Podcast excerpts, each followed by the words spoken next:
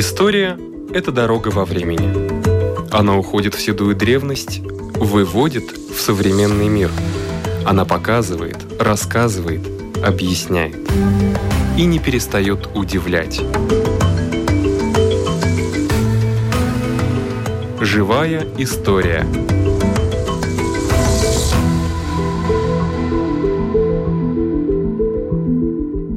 У микрофона Лидия Чера.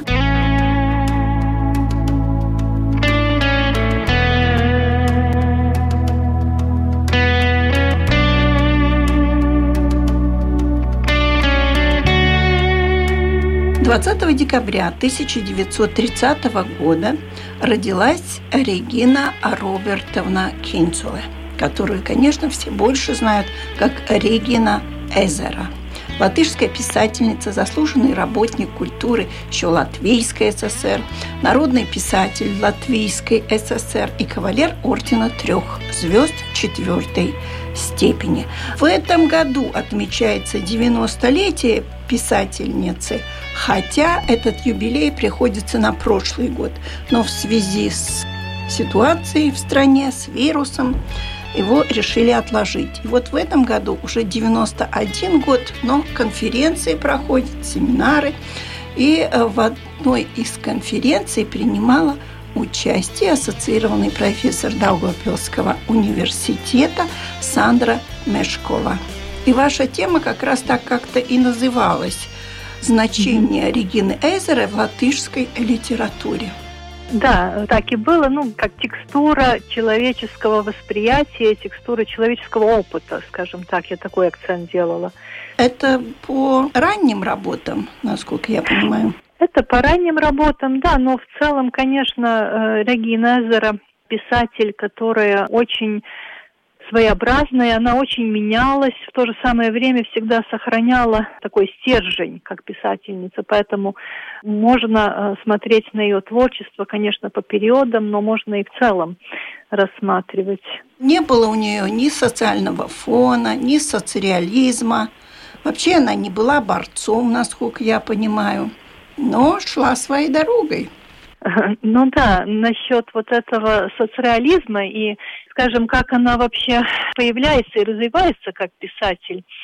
Тут надо сказать, что с одной стороны, она включается в такую тенденцию латышской литературы. Она начала писать в 50-е годы, но первые книги издаются в 60-е. Сначала она публикуется, ну, как это обычно очень часто бывает, в периодических изданиях. Но первые книги, которые уже отмечены критикой, это книги 60-х годов. И вот там наблюдается, что она, так же как многие прозаики ее поколения, она идет новым путем. То есть, с одной стороны, она начинает как писатель-реалист, то есть она описывает конкретные ситуации, повседневные, конкретные отношения, конкретные тоже проблемы, в том числе и социальные проблемы. И видно, что вот люди имеют разные там ситуации, когда не хватает денег, например, когда нужно работать в нескольких работах, очень злободневная тема, да, и отец отчуждается от семьи, например, когда вот в романе «Колодец» это такой, может быть, самый уже известный, тоже и на русском языке в переводе существует роман, по которому был снят фильм «Соната над озером», но сам роман называется «Колодец». Вот там ситуация, когда женщина еще молодая, мать двух детей – сталкивается с ситуацией, когда муж у нее в тюрьме, муж, ну, тоже пьяница, скажем, не самый счастливый брак в этой семье, но она ждет его, и на ее горизонте, можно сказать, появляется мужчина, который заинтересован ею. Ну, вот такие реальные ситуации. И, с одной стороны, Регина Эзера их описывает как реалист мы чувствуем вот эту текстуру жизни, разные типы людей, характеров, менталитетов, восприятия мира. Но с другой стороны идет вот это направление по пути к психологизму, то есть больший акцент ставится на изображение мотивации героев, восприятие героев, не на самую социальную реальность, а вот именно как человек воспринимает жизнь, разные ситуации, отношения.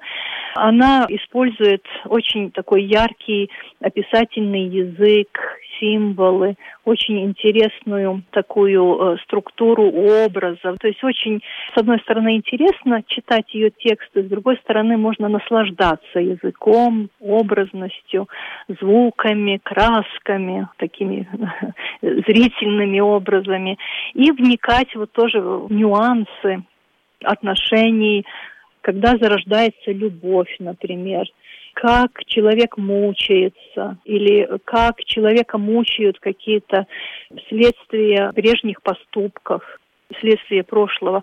Ну, вот такие вещи. То есть она как реалист, но она э, развивается по направлению, в принципе, модернизма. То есть вот ставя акцент на психологизм и на такие глубинные явления человеческой жизни. Можно сказать, эмоционально-психологический жанр. Да, да, тоже, да.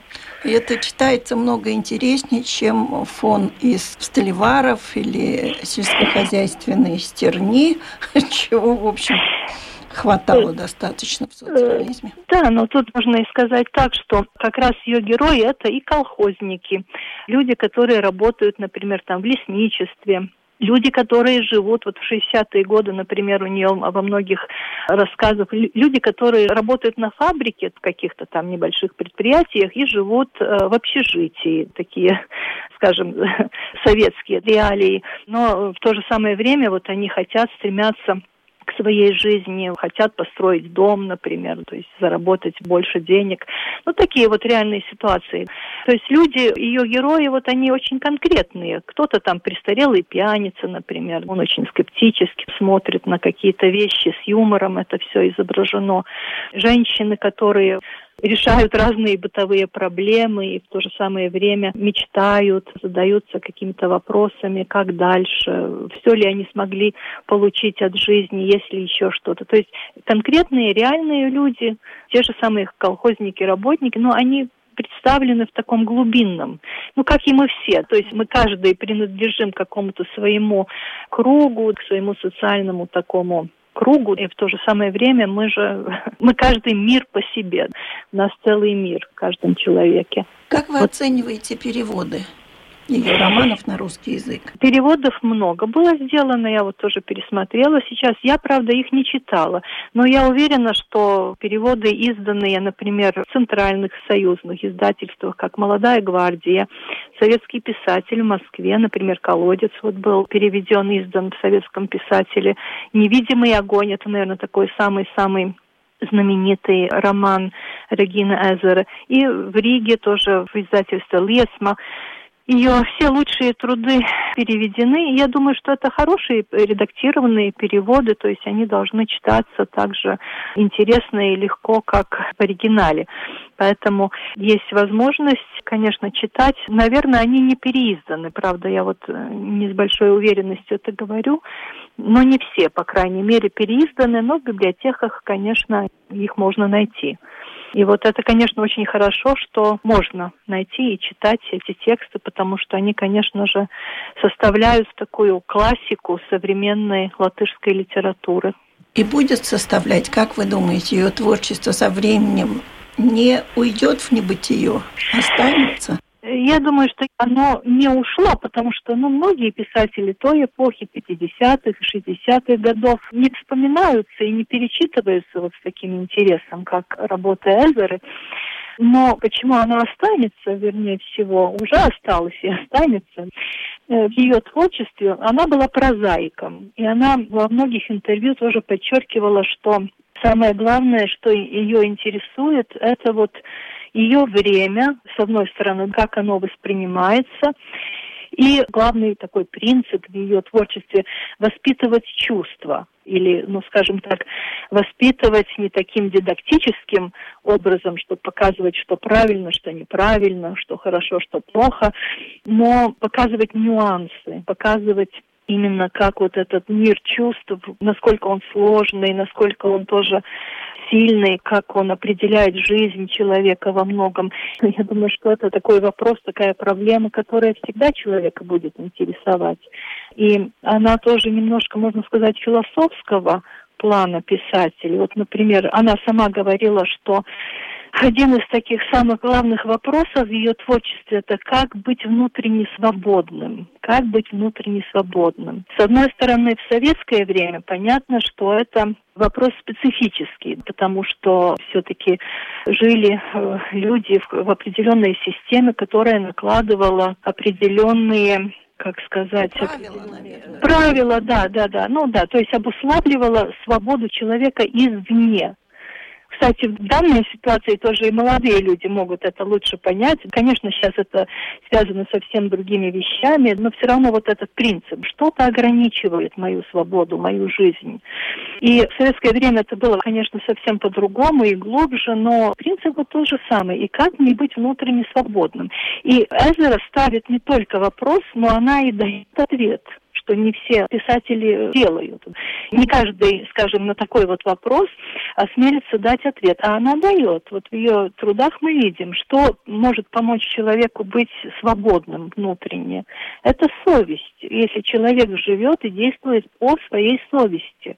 Потому что совесть это и есть самый такой строгий судья, да, совесть можно усыпить на какое-то время, но рано или поздно совесть проснется, и она напомнит, что там произошло 10 лет назад, вот как, например, в ее романе «Насилие» или в романе «Колодец» вот героиня, она не решается следовать новой любви, она не решается из-за детей, может быть, чувство э, долга, может быть. Да, да, чувство долга, да. То есть она вот не решается все-таки идти против своей совести.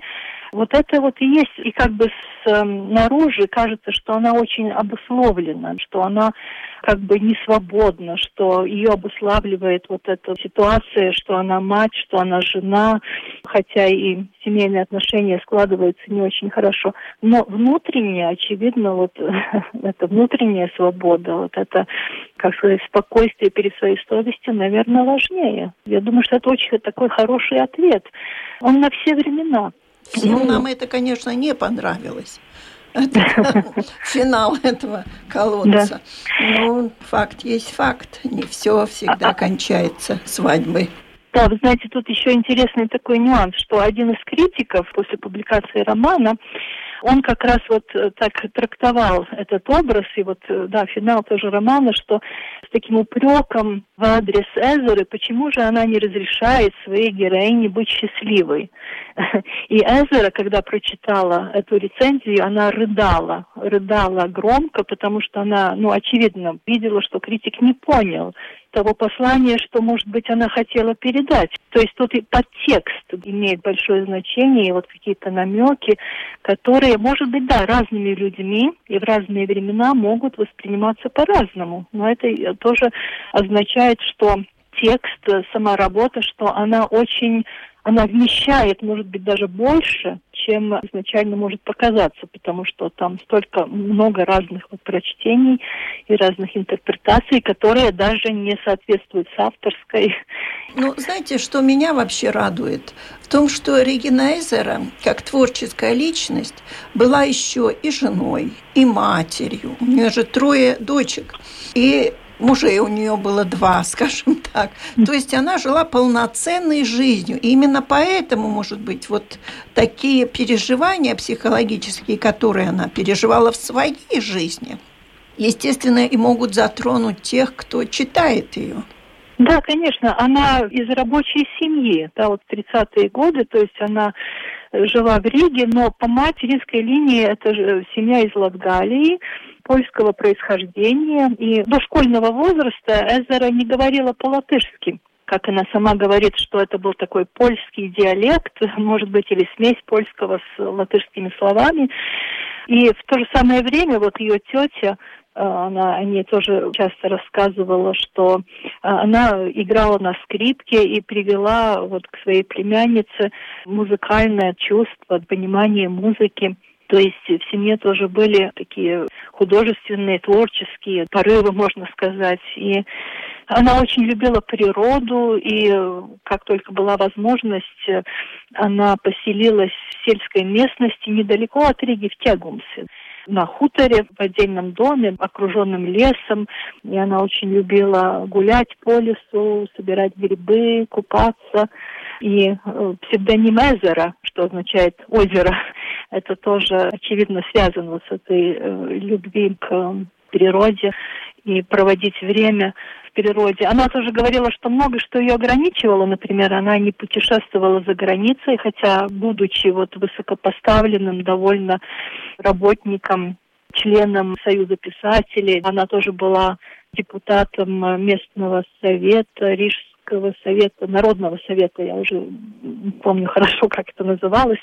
То есть она могла бы, но она говорит, может быть, прогулка по лесу дает мне больше впечатлений в том смысле, что я могу размышлять, я могу думать о жизни, я могу наслаждаться звуками, красками, всеми впечатлениями природы.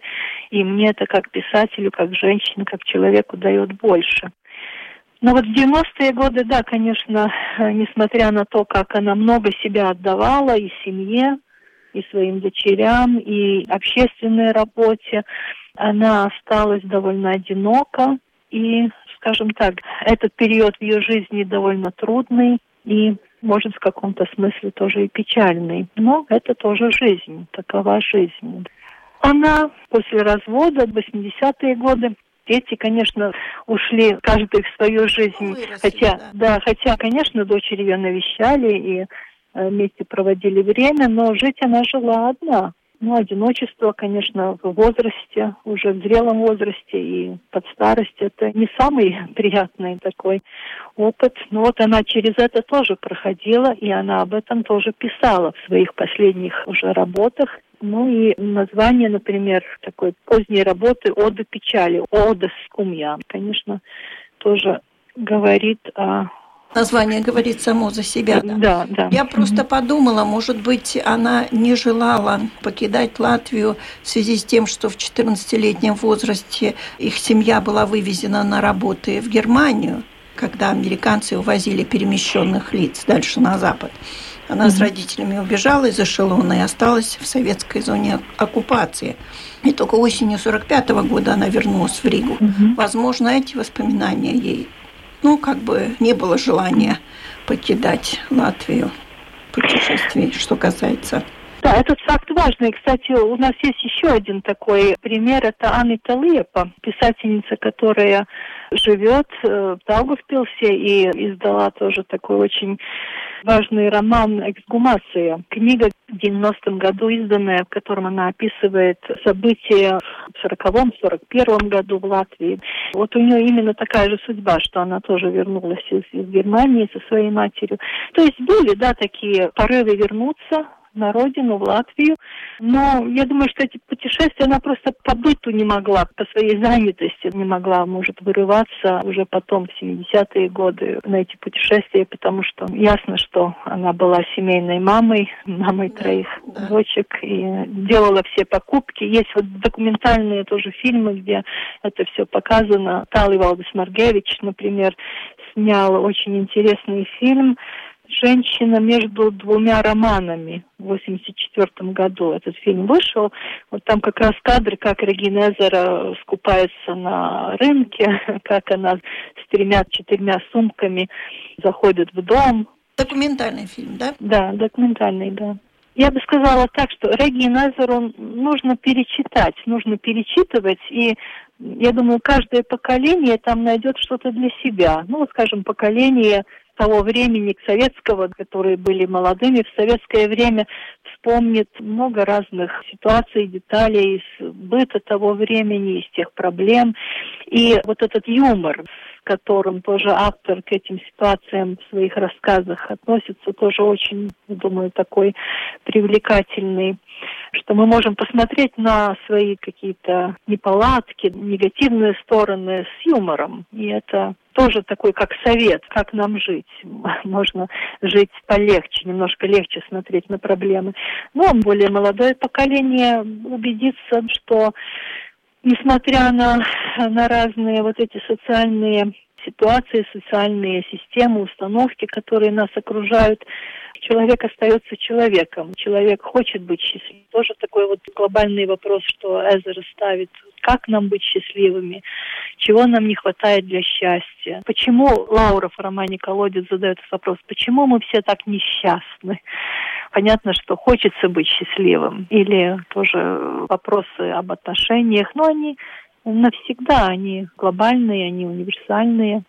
И вот Эзера дает некоторые намеки, некоторые ответы на эти вопросы.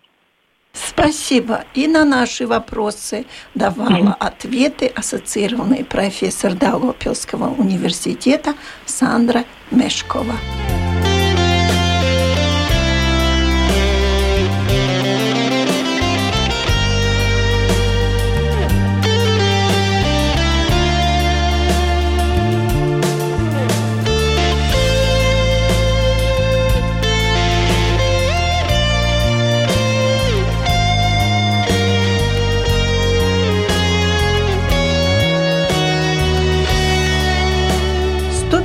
50 лет отметили в этом году второму президенту Латвии Густаву Земгалу.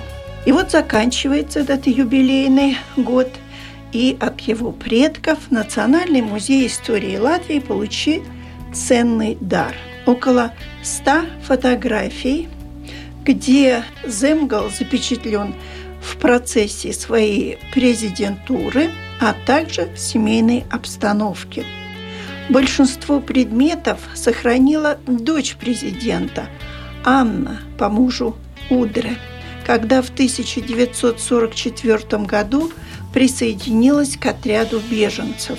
И его праправнук Мартинш Андерсонс, который приобрел некоторые семейные реликвии на антикварном рынке.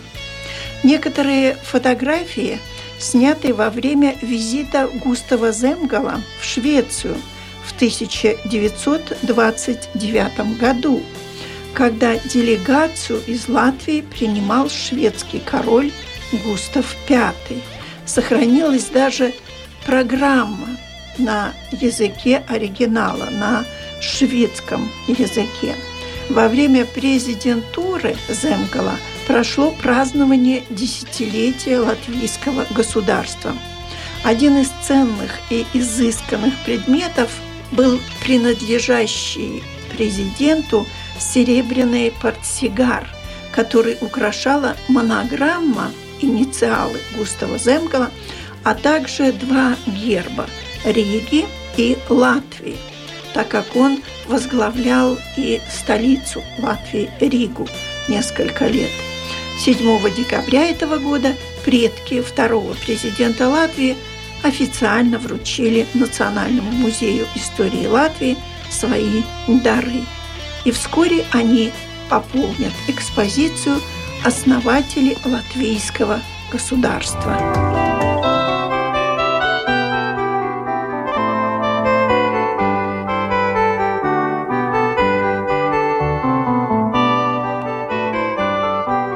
Реликвий истории Латвии.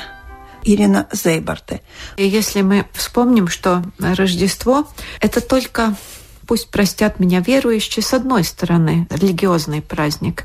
Корнями все-таки этот праздник уходит в языческое прошлое, потому что 24 25 ну, начиная, наверное, с 22-23 декабря, это не солнцестояние, и солнцестояние э, отмечалось э, разными народами в разное время, потому что важнее поведение Солнца для людей, которые занимались земледелием и скотоводством, для которых это было основой существования, ведь не было ничего более важного, как это поведение Солнца. Это вехи, от которых отсчитывали и дни, и труды, и приметы, и все такое. И, конечно, это был праздник, потому что это был особый день солнцестояния, потому что начиная с Рождества, с декабрьского солнцестояния, солнце поворачивалось опять к свету. Это самые темные дни, когда самая длинная ночь наконец кончается, и начинается путь к солнцу, путь к свету. Поэтому то, что мы сегодня называем Рождеством, это очень-очень древний языческий праздник. И несмотря на то, что христианство на территории Латвии начало распространяться, сначала насаждаться, потом уже, наверное, более естественным образом распространяться, начиная с XIII э, века, все-таки языческие корни, языческие традиции, языческие ритуалы, они сохранились, и как бы странным это ни казалось, они сохранились и до XIX-XX века несмотря на то, что церковь была главной религией, и религиозные праздники церковь старалась насадить по своим календарям и традициям, все-таки это языческий праздник, языческие корни, они время от времени как-то, ну, выплескивались именно во времена вот таких солнцестояний. Ведь мы сами прекрасно знаем, что на Янов день 23 июня. Самый большой праздник, ведь это тоже солнцестояние. А зимнее солнцестояние, оно связано не только, например, как летнее солнцестояние с самыми большими полевыми трудами. Работы настолько много, что человек чуть-чуть успевает отдохнуть за эту короткую ночь и чуть успевает переделать всю работу за длинный день. А когда зимнее солнцестояние, это наоборот. День очень короткий, а тьма очень долгая. И поэтому осенью для всех языческих народов, в том числе и для народов территории Латвии, таким традиционным были традиции, ритуалы, которые связаны с масками. Маски, они с одной стороны, скрывают сущность человека, а с другой стороны, они, эти разные маски, выражают пожелания человека и, опять же, уходят корнями традиции, верования во что-то особое для именно этого народа. Маски были на территории Латвии очень разными. Самыми популярными масками, которых ходили друг к другу соседи, родственники, фактически в течение всего декабря, были маски животных, ну, например, маска медведя, маска цапли, маска лошади. Это связанные с животным миром, которые вероятнее всего, опять же, корнями уходят в то время, когда человек был охотником а не земледельцем и скотоводом. Есть маски, которые связаны с другими верованиями. Например, старичок или такой бедный человек, ну, почти даже, можно сказать, нищий. Еще интересной традицией было переодеваться в цыганей и в цыганским таким табором, накрашенными лицами яркими, в ярких э, цветных одеждах. Люди ходили с песнями из одного дома в другой. Ну и традиционной маской, конечно, была маска смерти. Смерть изображалась во время маскарадов, обычно такой очень длинной женщиной в белом одеянии, в саване, надо, наверное, сказать, и с косой. Это традиционный образ смерти, потому что смерть, она вездесущна, она рядом. И, вероятнее всего, во время таких маскарадов это тоже напоминалось человеку, что рядом с весельем, рядом с танцами, с песнями всегда и смерть. И это как напоминание, оно, наверное, тоже очень-очень древняя традиция и древний ритуал. А маска, которая хранится у нас в музее и которую мы причислили к 100 реликвиям истории Латвии, она совсем интересная маска. Она называется кокадиимис. Это деревянная рожа, наверное, так можно перевести. Деревянное лицо. Оно совсем не похоже на другие маски. Эта маска это лицо, рожа, оно сделано из куска дерева, к лицу человеческому оно привязывается, и на этой маске фактически ничего нет, кроме как волос, бороды и усов из пакли. И выглядит она довольно страшновато, эта маска. Но еще Почему это такая маска, с одной стороны, страшная? Почему она скрывает лицо человека? Потому что это связано и с такими мистериями, которые связаны с духовным миром человека.